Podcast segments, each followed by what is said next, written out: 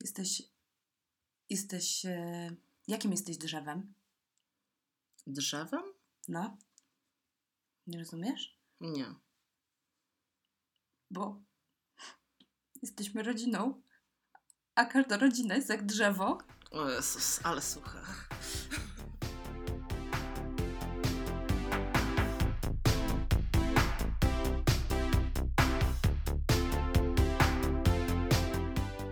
Ja jestem Ola A ja jestem Wiktoria. i jesteśmy w szafie.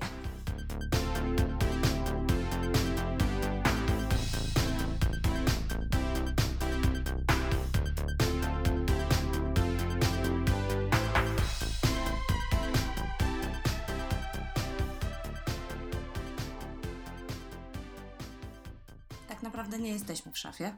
Tak naprawdę jest, jesteśmy w garderobie. Jesteśmy w szafie, ale nie jesteśmy w szafie, bo jesteśmy wyautowane. Ale siedzimy w domu w szafie właśnie, bo musimy mieć dobre pomieszczenie do nagrywania dźwięku. Dzisiaj w związku z tym, że idą święta i święty Mikołaj, jest grudzień, to pomyślałyśmy, że zajmiemy się tematem rodziny i trochę go przeatakujemy. Dobrze powiedziane, przeatakujemy. Tak, bo to jest, nie jest zawsze prosty temat. Nawet dla cishetów. A jeśli nie jest prosty nawet dla cischetów, to dla wszelkich osób queerowych jest 50 razy bardziej trudny. Bo jak wiadomo, zawsze mamy gorzej.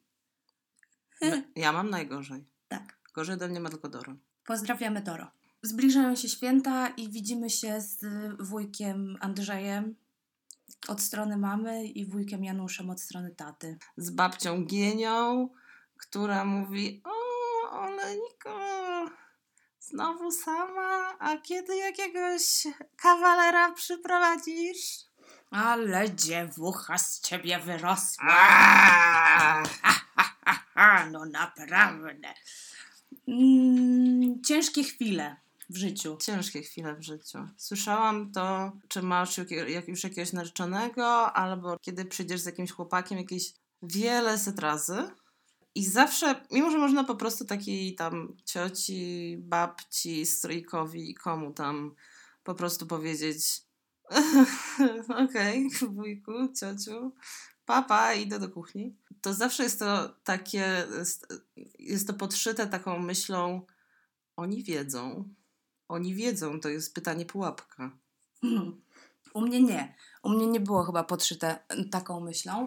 Bardziej oni się nigdy właśnie nie dowiedzą, bo to im się nie zmieści w głowie po prostu, że jakby to, kim rzeczywiście jestem, tak bardzo nie istnieje w ich świadomości, Hmm. że o mój Boże. Ale wiesz, tak jak jest to jakieś takie, takie super kłamstwo, bo jak na przykład jedziesz tam do cioci na święta i mówisz, że spóźniłaś się godzinę dlatego, że były straszne korki, chociaż tak naprawdę po prostu wyszłaś godzinę za późno spod prysznica, to takie kłamstwo przychodzi ci od tak. Po prostu mówisz, ojej ciociu, przepraszam, przepraszam, że musieliście wszyscy czekać. Ale jak musisz powiedzieć, E, No, nie, nie mam chłopaka, e, e, albo mam, ale nie mógł przyjechać, to już po prostu uszy się robią czerwone od kłamstwa, nie? Tak, nawet jeżeli niekoniecznie właśnie nawet w tym przykładzie, w którym podałaś, niekoniecznie kłamiemy w takiej sytuacji, bo właśnie Tylko mówię, czasem odpowiadasz, mhm, nie mam chłopaka, a mimo co jest to... zgodne z prawdą. Dokładnie. Mhm, A mimo to i tak masz straszność. tak. Albo jak ktoś się spyta, czy, czy masz kogoś, bo to też jest takie, A, mm, to nie jest jakby podszyte takim pomysłem, że to jest może ktoś tej samej płci, tylko czasem się tak pyta, nie? A jesteś z kimś? Masz kogoś? I wtedy już znowu jest problem, bo powiedzieć tak, zgodnie z prawdą, czy powiedzieć, że nie, wybrałam drogę mm, po prostu starej panny i coś tam. Wiesz, no tak mówię starej panny, no bo no tak, tak. bo jak jedziesz spotkać się z babcią, czy z ciocią, czy z kimś tam i, i masz 28 lat i nie jesteś w związku i nie jesteś w ciąży znowu, no to znaczy, że no coś jest z tą nie tak trochę, nie? Mm. Jeśli ciocia ma tam 85 lat na przykład, to ona już w twoim wieku miała trójkę dzieci. No więc znów jest, jest kłamstwo. Czy masz powiedzieć, że jesteś z kimś faktycznie, zgodnie z prawdą, czy po prostu powiedzieć, Mm, Nie. No, w każdym razie jest ściema, jest jakaś, e, jest jakaś szopka bożonarodzeniowa w sensie od, odgrywania czegoś. I gdzieś tam stoi jakiś taki młodszy kuzyn, który wie, wie, że ty masz dziewczynę, bo widział jak się całowałeś z dziewczyną. Wie i boisz się, że cię wyda. Albo ty go widziałaś jak się całował z chłopakiem, więc trzymacie sztamę, bo, bo macie ten sam problem z ciocią i babcią. To już jest łatwiejsza sytuacja, jak jest was dwójka. No, pff, oczywiście. Ale właśnie jak jesteś taką jedyną osobą na takim spędzie rodzinnym, to, no to jest trudne. A i, tak, Jedynym gejem we wiosce. a i tak mówimy o sytuacji, w której nie ma żadnego hardkoru, czyli jest taka po prostu casualowa, zwyczajna homofobia, która polega na tym, że po prostu nie bierze się pod uwagę tego, że ktoś niekoniecznie w gronie tych ludzi, w, w którym tu siedzimy, jest nie hetero. To jest takie bardzo casualowe i bardzo mm, lekkiej wagi, w cudzysłowie oczywiście, bo No jak się tak, tego tak. nazbiera, no to, to, to się robi ciężkie. E, A, a i tak nie mówimy o, o hardkorach w przypadku, w którym rzeczywiście się ma po prostu homofobiczną rodzinę i albo próbowało się wyjść z szafy i się do niej z powrotem musiało wejść, bo rodzice powiedzieli, że sorry, ale oni po prostu e, syna pedała mieć nie będą E, i albo będziesz normalny, albo wypierdalaj z domu, albo inne tego typu, typu akcje, więc jakby no to i tak mówimy po prostu o sytuacjach, które są takie mało hardkorowe. I tak to jest mega trudne i tak to jest mega ciężkie do przejścia. No tak, bo jesteś w takiej sytuacji stereotypowo bardzo niby przyjemnej, tak? No bo wszyscy, wszyscy się cieszą, święta, rodzina, święta rodzina, kolacje, prezenty, choinka i tak dalej. A ty jesteś, wiesz, że to jest to, co robisz, to jest odgrywanie jakiejś właśnie szopki, to jest totalne kłamstwo. Tak trudno jest się chyba do końca cieszyć z tego wszystkiego. Chociaż tak jak mówisz, no jest to inny kaliber, tak? Nie, nie jest tak, że tam sąsiadka dzwoniła mm, do twoich rodziców, bo widziała cię, jak się całujesz za krzakiem z dziewczyną. Mm. Masz jakieś tipy na to, jak to, jak to, jak to przetrwać? Ten Lepiej się Jeden- chować, żeby sąsiadka cię nie widziała za krzakiem. jeden w porywach do, do trzech dni, czasem może dłużej, bo może to jest na przykład cała przerwa świąteczna spędzana u rodziny od Wigilii do Nowego Roku. Jak?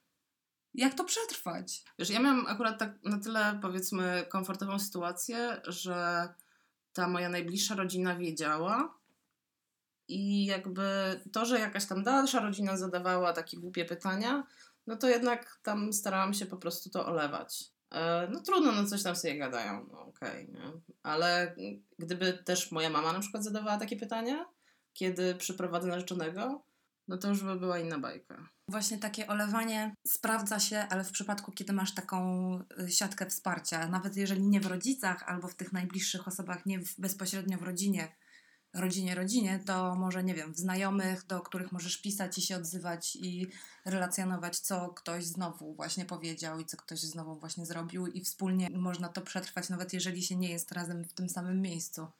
Coroczny wątek, e, fakapy świąteczne. kto co, gdzie, jak doświadczył. I wydaje mi się, że chyba właśnie jeżeli nie ma się w ogóle w rodzinie jakiegoś wsparcia, czy właśnie kogoś, kto by był po, po twojej stronie w tej sytuacji, albo po prostu wiedział o tobie i akceptował cię, to chyba to jest najlepszy sposób. To znaczy nawet przez internet kontaktować się z ludźmi. Tak, znaczy też nie, nie, jakby nie ma co de- demonizować w jakiś sposób tych relacji takich inter- internetowych. No my utrzymujemy z wieloma osobami kontakt głównie internetowy, czy w niektórych przypadkach nawet wyłącznie internetowy. I na przykład no, mamy przyjaciół, z którymi się kontaktujemy na co dzień przez internet, bo nie mieszkamy blisko. I to jest jakby zupełnie normalna relacja, tak? Widujemy się raz na ruski rok. I trzeba szukać y, grup, y, może nie dosłownie grup wsparcia w takim y, formalnym znaczeniu. Terapeutycznym. mm, ale trzeba szukać grup wsparcia takich ludzi po prostu, którzy są i wiadomo, że są i można z nimi pogadać i można się im pozwierzać i można im powiedzieć właśnie Jezus Maria, kolejny rok y, zadziało się to, to i to. I wbrew pozorom samo wyrzucenie z siebie czegoś takiego już daje opór dużo, bo trochę spuszcza po prostu Tak, ten... tak, taki wentyl bezpieczeństwa po prostu, tak.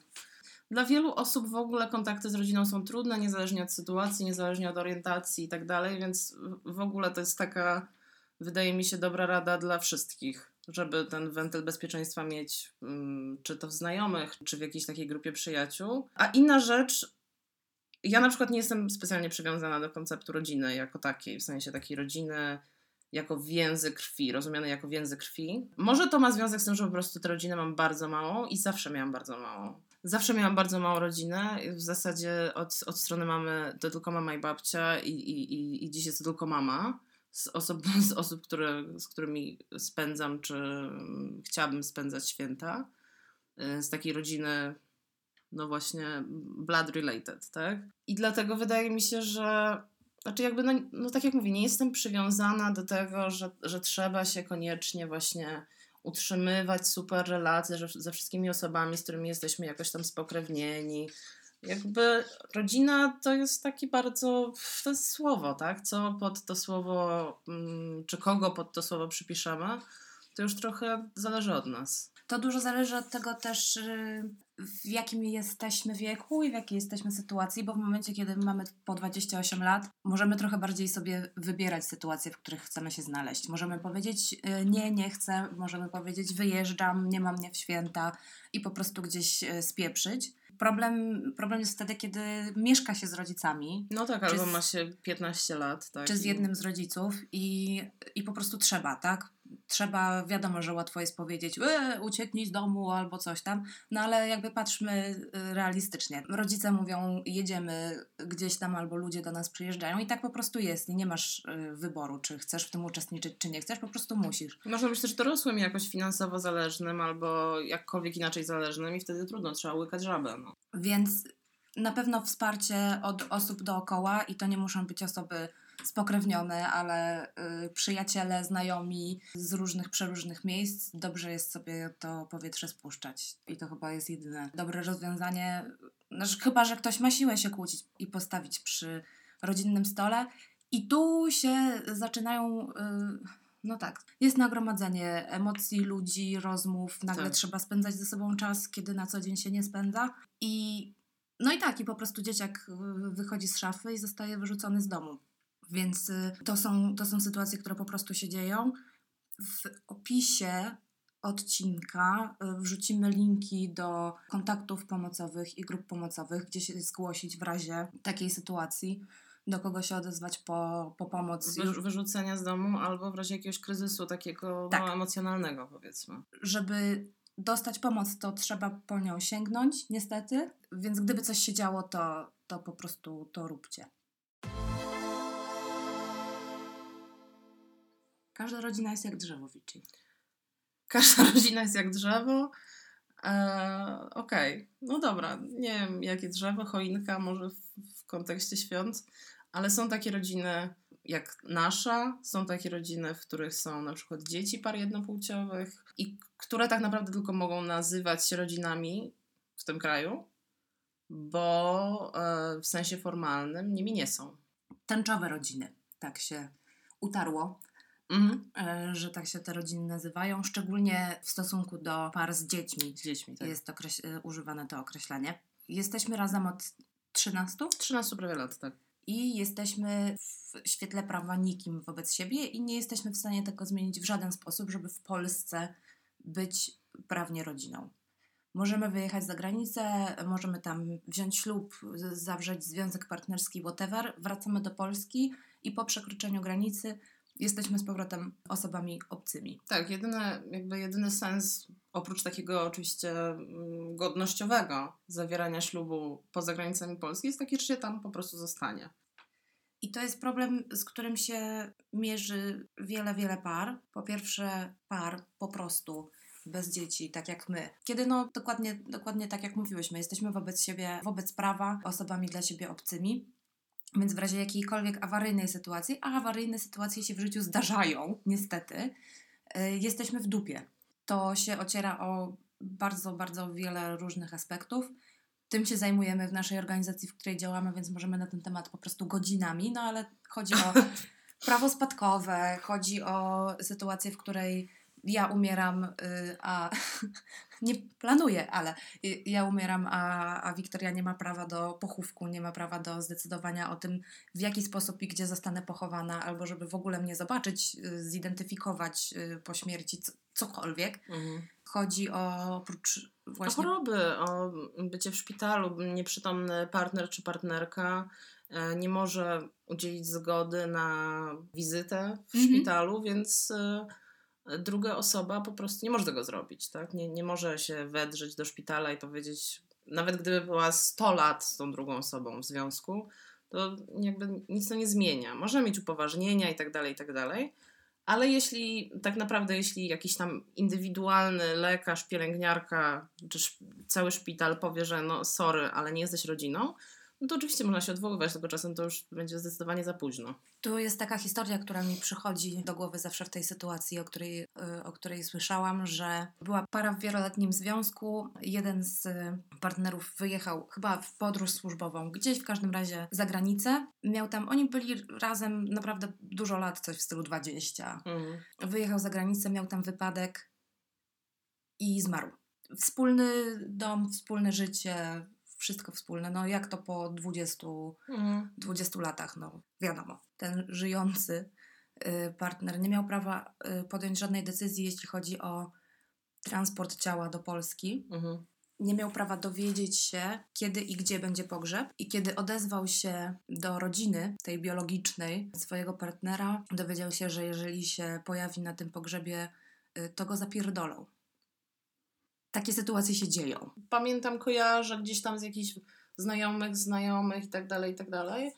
Takie historie właśnie, gdzie może nie tak drastycznie, ale, ale też jakby no, partner czy partnerka po prostu nie byli informowani o dacie pogrzebu, miejscu pochówku i tak dalej. No to są sytuacje, które się dzieją. I jest jeszcze kwestia tęczowych rodzin, które wychowują dzieci w Polsce. I to jest naj, najtrudniejsza, jakby najgor, najgorsza sytuacja. Bo dziecko w takiej sytuacji nie ma zapewnionego podstawowego prawa dziecka, jakim jest prawo do poczucia bezpieczeństwa. Bo jeden z rodziców nie jest rodzicem i w razie gdyby temu rodzicowi prawnemu coś się stało, to dziecko zostaje formalnie bez rodziców. No więc zostaje sierotą dokładnie, tak.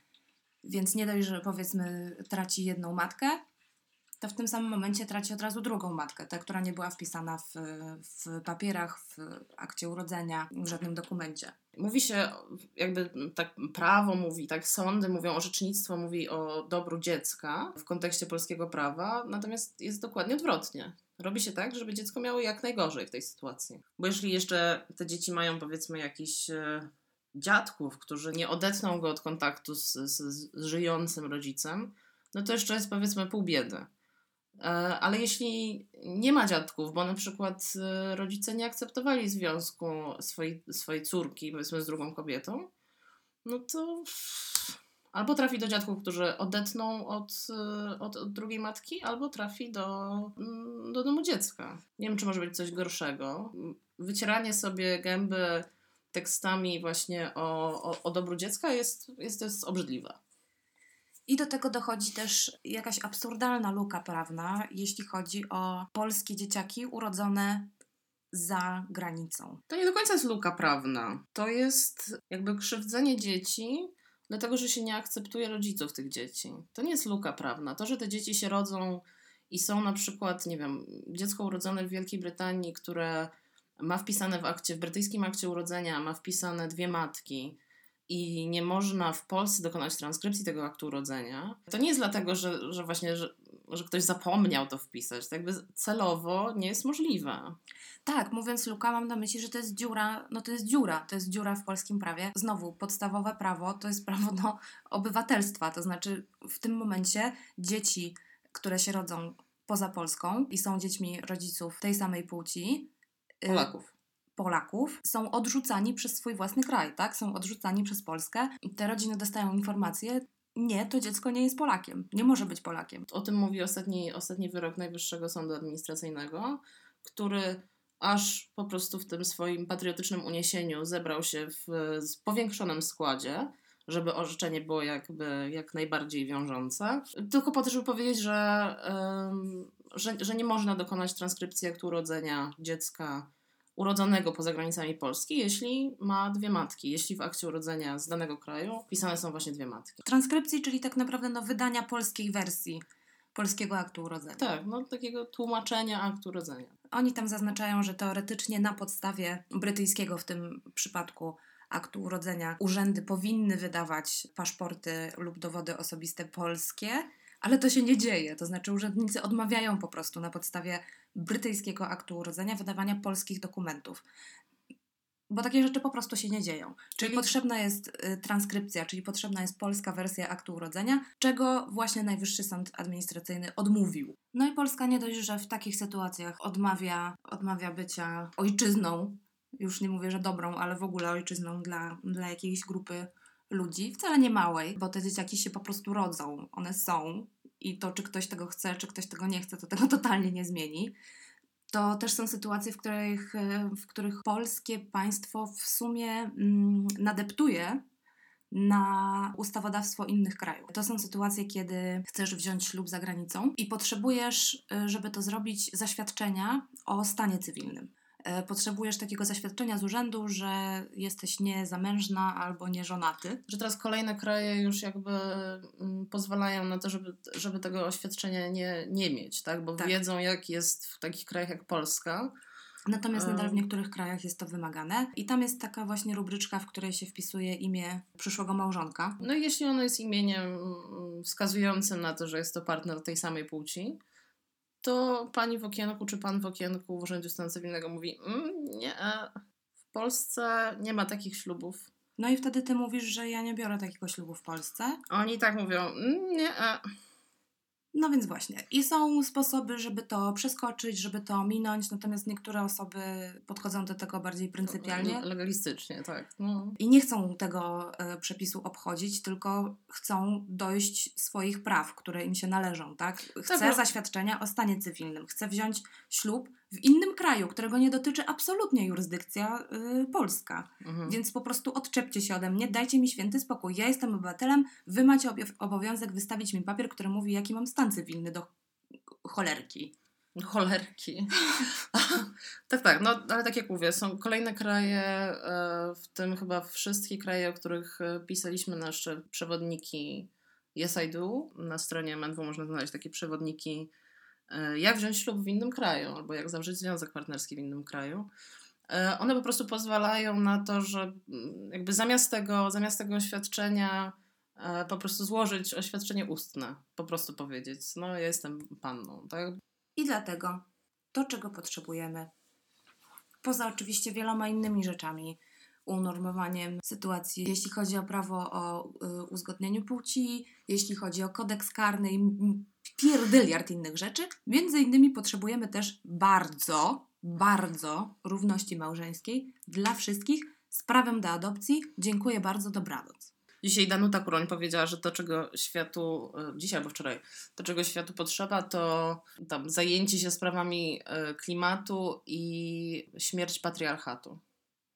Za późno. Wszystko jest dużo, dużo za późno, no ale trudno. No my jesteśmy takim trochę zapóźnionym krajem. Światem.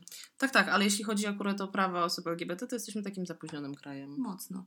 Jak się spojrzy na mapę, mapę y, organizacji tak. ILGA, ILGA Europe, która została stworzona na podstawie konkretnych praw, zapisów prawnych, czyli tak naprawdę nawet nie stanu faktycznego, a samych zapisów prawnych y, w poszczególnych krajach w Europie i te kraje są zaznaczone kolorami że jak jest więcej praw, to jest zielony, jak jest mało praw, to jest czerwony, no to wyobraźcie sobie, jak wygląda Polska. Jest taka czerwono-brązowa, mniej mm. więcej. Tak. Jest super. To jest też yy, jakby dodatkowy aspekt, czego, czego, do czego, czego nie pozwala nam zrobić yy, polskie państwo. Nie pozwala nam wziąć rozwodu.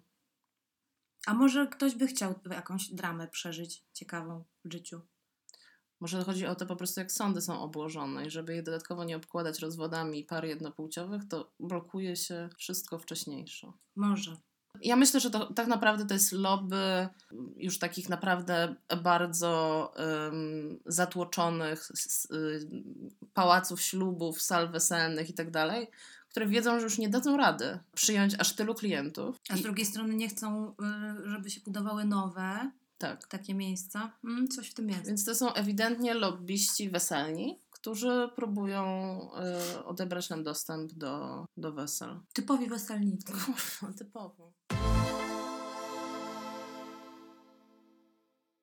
RuPaul ze swoją y, lekko transfobiczną przeszłością, z której się już tłumaczył, y, powiedział kiedyś coś ładnego, co rezonuje we mnie. Jako osoby niehetero wybieramy swoją rodzinę, ludzi, którymi się otaczamy.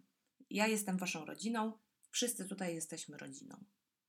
I trochę tak jest ze społecznością LGBT, że mimo, że możemy się nie znać i właśnie pierwszy raz spotkać, to momentalnie się łapiemy. Totalnie. Nawet jak jest najmniejsze podejrzenie. Tak, tak. Momentalnie się łapiemy i łapiemy jakąś nić i jakąś więź, i y, w tej całej społeczności jest jakaś taka niewiarygodna siła i tak niewiarygodne wsparcie, które, y, którego ludzie sobie udzielają, nawet właśnie jak się nie znają, bezinteresownie, bez y, żadnych ukrytych jakichś zamiarów po prostu pomagamy sobie nawzajem i w jakiś sposób taki mogłoby się wydawać magiczny y, się rozumiemy. I ta magia, jak dla mnie, łatwo ją rozłożyć na części pierwsze. Mm. Rozkładanie magii na części pierwsze. Odcinek drugi. Aha! Wydaje mi się, że polega na, na mm, takiej wspólnocie doświadczeń. To znaczy, czy jesteś lesbijką z Warszawy, czy jesteś trans chłopakiem z... Z, z, ze zgonu, z miejscowości Zgon w Warmińsko-Mazurskiem. Czy jesteś trans chłopakiem z miejscowości Zgon w Warmińsko-Mazurskiem i teoretycznie bardzo dużo Was dzieli i praktycznie bardzo dużo Was dzieli, to jednak dużo łatwiej jest złapać między tak, takim osobom, między sobą jakąś nitkę porozumienia, mm, dużo łatwiej niż gdyby to, była, gdyby to był trans chłopak ze, ze zgonu i hetero laska z Warszawy. Albo ze zgonu nawet. Albo ze zgonu. Bo jakieś doświadczenia są uniwersalne dla całej społeczności i te doświadczenia, czy bardziej, yy, czy bardziej nas dotykały, czy mniej, to tak czy inaczej w jakiś sposób nas kształtują i to jak odnajdujemy się w społeczeństwie, nawet jeżeli nie mieliśmy, nie wiem, doświadczeń z homofobiczną rodziną, czy homofobicznym jakimś otoczeniem, to tak czy inaczej wszystko to, co się dzieje ogólnospołecznie wpływa na nas i dotyka y, każde z nas. I nie da się przed tym uciec, niestety. Więc ta wspólnota jakaś istnieje. Istnieje przy okazji, jakby, tak jak mówiłam wcześniej, y, ta różnica między, między znajomościami takimi stricte przez internet, a znajomościami face to face, ona się gdzieś tam zaciera. Stopniowanie, czy które są lepsze, czy gorsze, już jakby nie, nie, jest, nie jest istotne. Natomiast jakby no, można mieć sąsiadkę przez płot, która nie zrozumie nas w żadnym stopniu, oprócz tego, że tam y, można powiedzieć, że czy moja matka siedzi u twojej matki aktualnie, a osoba oddalona wiele set kilometrów, gdzieś na jakiejś wspólnej grupie na, na fejsie czy gdzieś, y, będzie nas rozumiała, rozumiała dużo lepiej. Chociaż to jest trochę tak, wracając do tego, że Polska jest zapóźnionym krajem, to bardzo często jest tak, że rozmawiam z kimś, yy, najczęściej spoza Europy, bo, bo, bo jakby mniej znamy te realia. I mówię, słuchaj, wiesz, bo u nas na przykład to w, w sensie, ogóle... że z zachodu. Z zachodu, tak, tak. Mówię, wiesz, u nas nie ma nawet związków partnerskich ani nic. Kurwa, gdzie ty mieszkasz? Skąd ty jesteś? Mówię, no z Polski, duży kraj w Europie Środkowo-Wschodniej. Jak spojrzysz na mapę Europy i na samym środku jest taka, taki duży placek, to my. Placek to my! Ale jest rzeczywiście jakaś taka siła i energia, którą nawet ja czerpię z, z samego przebywania z queerowymi osobami. Dlaczego mówisz, że nawet ty? Chodzi mi o to, że nie mam traumatycznych y, przeżyć, nikt mnie nie wyrzucał z domu no i nie, i nie muszę w związku z tym jakby nie byłam zmuszona nigdy szukać wsparcia, takiego rzeczywiście wsparcia, tak? No i tak, potrafimy się naprawdę, naprawdę wesprzeć i, i stworzyć taką rodzinę.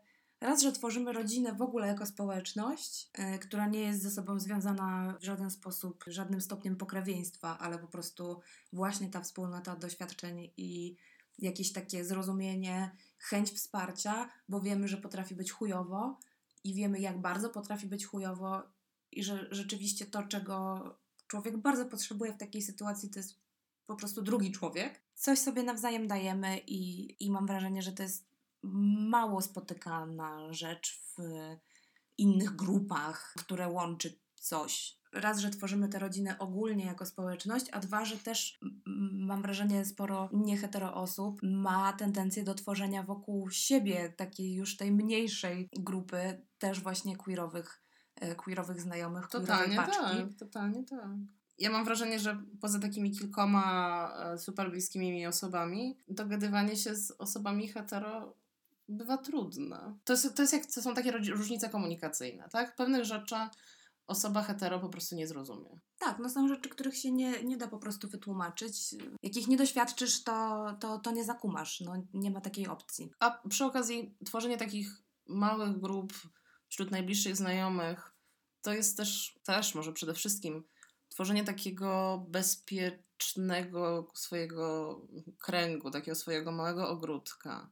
Tak? Miejsce, w którym zwykle raczej nie zostaniesz urażona w jakiś taki sposób homofobiczny, w którym nie stanie ci jakaś krzywda, który też przy okazji, a przecież pa- pamiętamy takich przypadków co najmniej kilka, kiedy komuś się faktycznie działa krzywda, taka fizycz, fizyczna krzywda, i nagle całe, cała grupa ludzi pędziła na pomoc, tak? Bo, no bo coś, coś złego się dzieje i trzeba sobie tak, taką queerową samopomoc zorganizować. Jeśli nie jesteś cishetem i nie masz grupy znajomych, bliskich, które też nie są cishetami, niekoniecznie znowu to muszą być znajomości w realu, to błąd, y, nadrabiaj. Znaczy jakby polecam. Bo to jest inne życie. To jest kurwa inne życie. Myślałam, że powiesz, że mają się zgłosić do nas. Wiem. Jeżeli ktoś naprawdę nie chce słyszeć ani słowa spoilera, to w sumie może lepiej, żeby nie słuchał w ogóle tej części podcastu. W opisie odcinka wypiszemy od kiedy do kiedy trwa cała ta, cała ta rozmowa. Rzeczywiście, jeżeli ktoś sobie nie chce zaspoilerować zupełnie nic, to, to nie polecam, ale też nie planujemy spoilować nic Za bardzo. dużego. Tak. L-word?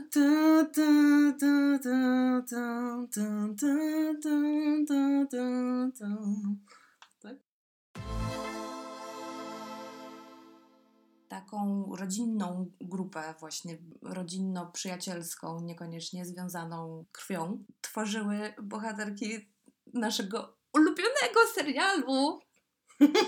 Słowo na L. Okropne jest to tłumaczenie. Lizbonka. Lis- Słowo na L. Co? Lesbianka. Lesbionka!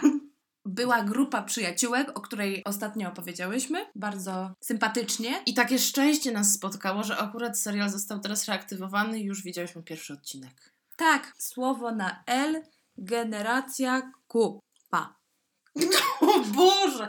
Mamy bardzo, będziemy mieć tutaj bardzo takiej arena starcia, dlatego że mi się serial podoba, a tobie się nie podoba. To mamy Generation Q. Generation. Aha, Generation. Ojejku, no nawiązuje do tego, że w poprzednim odcinku mówiliśmy Cringe Fest i jak można nazwać tak serial? Bo to jest żenująca nazwa. No to, To, mówię, jest mega żenująca nazwa. Wystarczyło powiedzieć na przykład, że to jest The L-Word 2. dwa to może słabo jako Albo serial. nie wiem, ile było, ile było sezonów. Nie wiem, dziesięć? nie wiem, chyba 7 i po prostu dać 8, nie wiem, cokolwiek, tak, ale Generation Q to jest, wyobrażam sobie, że przyszła ta nieszczęsna Eileen, showrunnerka, ona jest showrunnerką chyba, bo inne tam po prostu właśnie takie osoby kultowe dla pierwszej części serialu i mówią, wymyśliłyśmy tytuł, ok? Będzie się nazywać Słowo na L, Generacja Q. I wszystkie młode osoby po prostu mają takie, okej, boomer. Najgorsza nazwa świata. Ale z najgorszych rzeczy przynajmniej nie ma najgorszej piosenki. W ogóle jest jakaś piosenka? Była jakaś piosenka? Nie wiem. Teraz jest taka moda, że nie ma intro. Tylko wiesz, że się przez chwilę pewnie coś wyświetlało, to tyle. W Polsce można oglądać Generację Q na HBO. Nie wiem, czy na kanale HBO, na pewno na tym HBO Go. To było tyle, jeśli chodzi o research. Na razie był tylko pierwszy odcinek. Kiedy to nagrywamy? 16 grudnia będzie kolejny. Jak twoje wrażenia po tej, tej poprzednio odcinkowej zjebie po całości? Wiesz, jakby nadal widzę tutaj mnóstwo rzeczy, które się prawdopodobnie wywali za chwilę, bo pierwszy odcinek, no to jeszcze niewiele można powiedzieć, tak? Oprócz tego, że zapomniałam, jak bardzo irytujący głos ma Alice. Tak! Totalnie o tym zapomniałam. Mimo, że zdarzało mi się przez ostatnie x lat słuchać zespołu Aha Hair, w którym ona śpiewała. Nie. Śpiewała trochę. Ona tam, jeśli już, to tylko chórki. No ale naprawdę Znaczy laska się nałykała helu, wpadła do kociołka z helem, jak była mała, no i, i tak jej zostało. Odcinek polega na tym, jeśli chodzi o tę starą gwardię, że do miasta wraca Shane.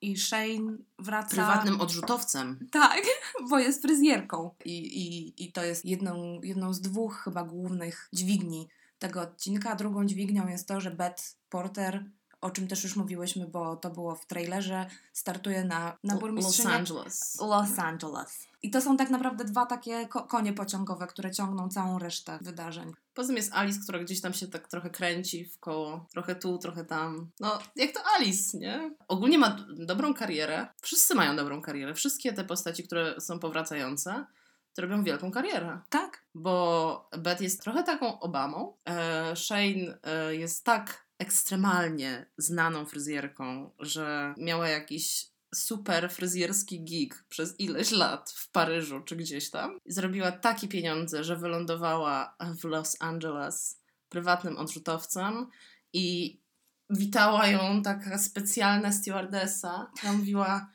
witamy Shane, witamy panią McCutcheon e, w Los Angeles. I co się potem dzieje? Każdy, kto oglądał e, pierwszych siedem se- sezonów tego serialu, wie, co się dzieje. Po prostu Shane przeleci tę laskę. Shane się pierdoli.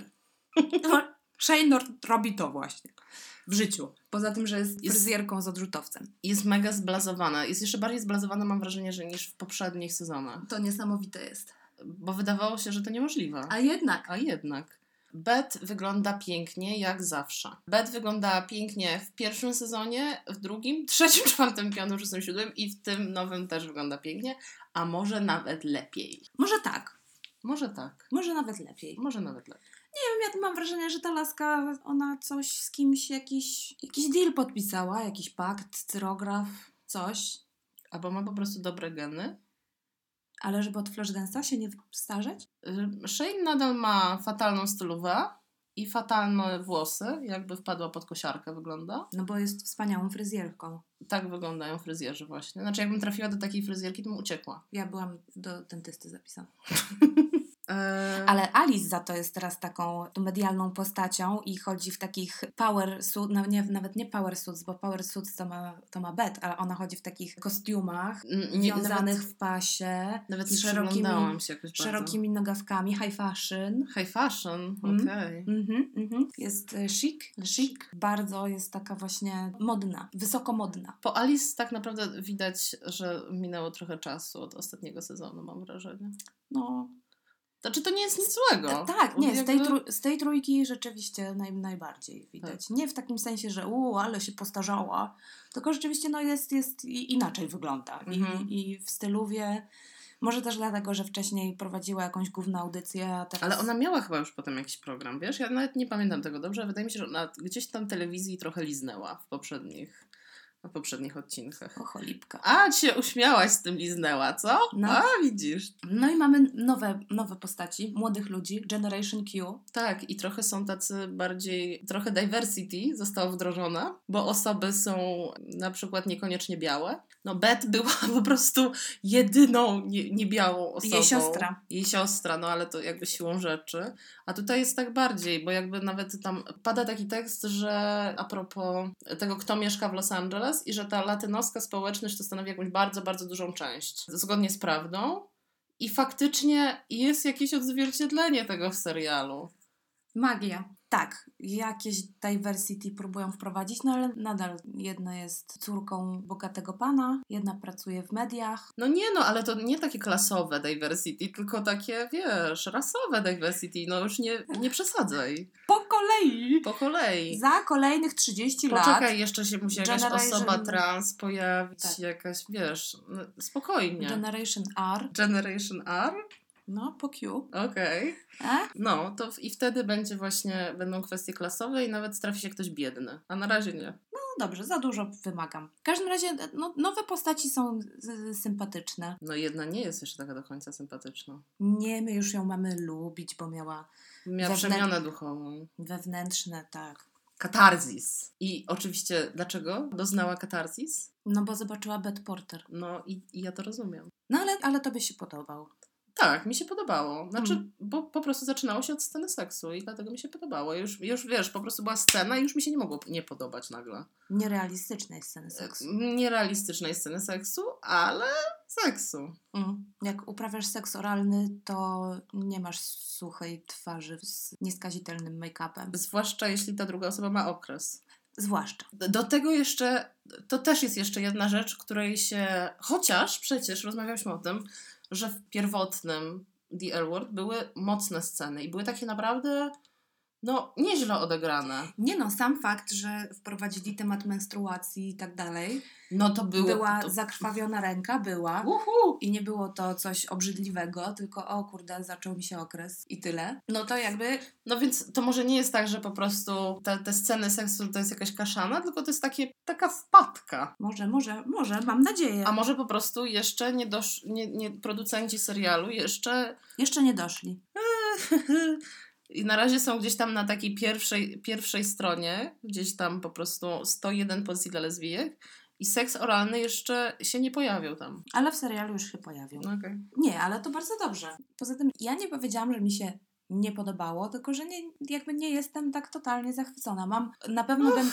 No trudno, wiesz, poprzeczka była zawieszona bardzo nisko, więc łatwo jest być takim troszkę zadowolonym nawet, ale żeby być pod wrażeniem, to jeszcze dużo trzeba. Na pewno będę oglądać kolejne odcinki. Na pewno mam bardzo duży sentyment do całej franczyzy i do całej tej historii i do tych postaci, które były napisane źle, które miały przygody nie z tej ziemi. I tak je lubię. I tak jest śmiesznie i, i całkiem miło się z powrotem jakoś tam zanurzyć w tym świecie, który nam Mhm. został przedstawiony. I tak, no nie jestem zachwycona jakoś super, no bo nadal jest L-word i nadal są rzeczy, które nie mają prawa się wydarzyć. No tak. Nie do końca prawdziwe też pod względem charakterologicznym zachowania tych ludzi i tak dalej. Być może, no właśnie, może to, to ja mam jakąś poprzeczkę z dupy y, postawioną wysoko i dlatego nie jestem w stanie usiąść się po prostu wziąć cieszyć. Może jest tak, że to jest, że to jest jakaś twoja, twoja poprzeczka, ale myślę, że trochę o, o to chodzi w tym L-Word Generation Q, żeby grać na sentymencie po prostu wszystkich lesbijek na świecie i osób w ogóle queerowych na świecie, które powiedzą, o Boże, znowu zobaczę Shane i włączą, no. Na pewno fajnie, że, że jest kolejny serial, który opowiada o osobach, które nie są cis kolesiami w Stanach. Są w większości cis laskami w Stanach. Ale poczekaj, no wiesz, pierwszy Ale- odcinek, no tam ewidentnie jest, coś będzie jeszcze na rzeczy, tak? No fajnie no.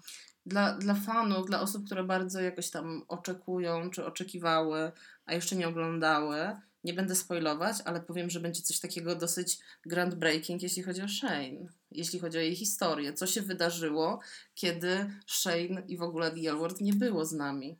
Mnie to zdziwiło. Nadal Shane jest mega zbazowaną postacią, ale przez jakieś trzy sekundy byłam zdziwiona bardzo. Nie wiem, no myślę, że musieli wymyślić coś, żeby jej chociaż kapkę głębi nadać. Ale w, z Beth też jest jakaś historia. Jak nas nie było, to one były, istniały, Istniały, żyły, tak. y, mówiły, śmiały się, kocha, kochały, żyły, coś tam, pieprzyły się, y, oddychały.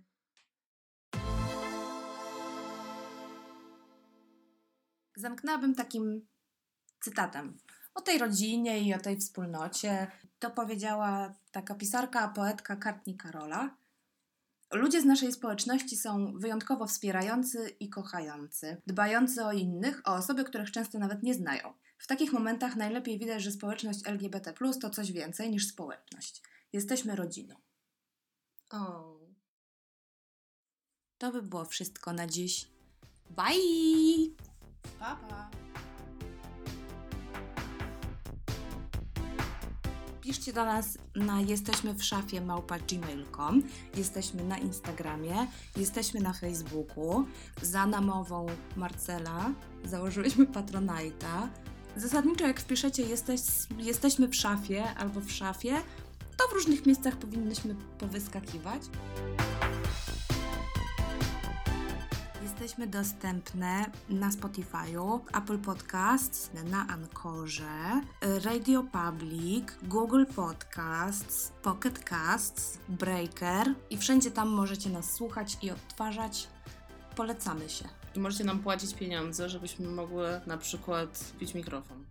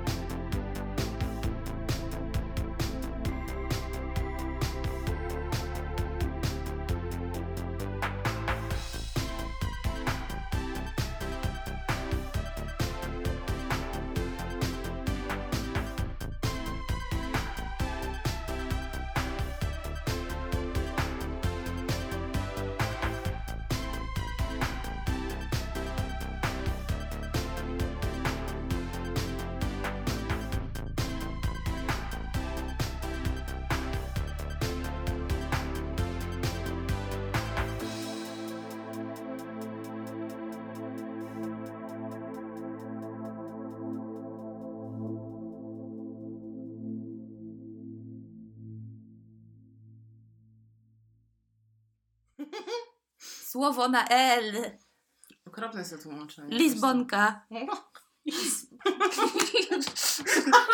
Kurwa, zaklikałam ze śmiechu. Losbianka. Libięga. Lebiega. Masz jakiś atak?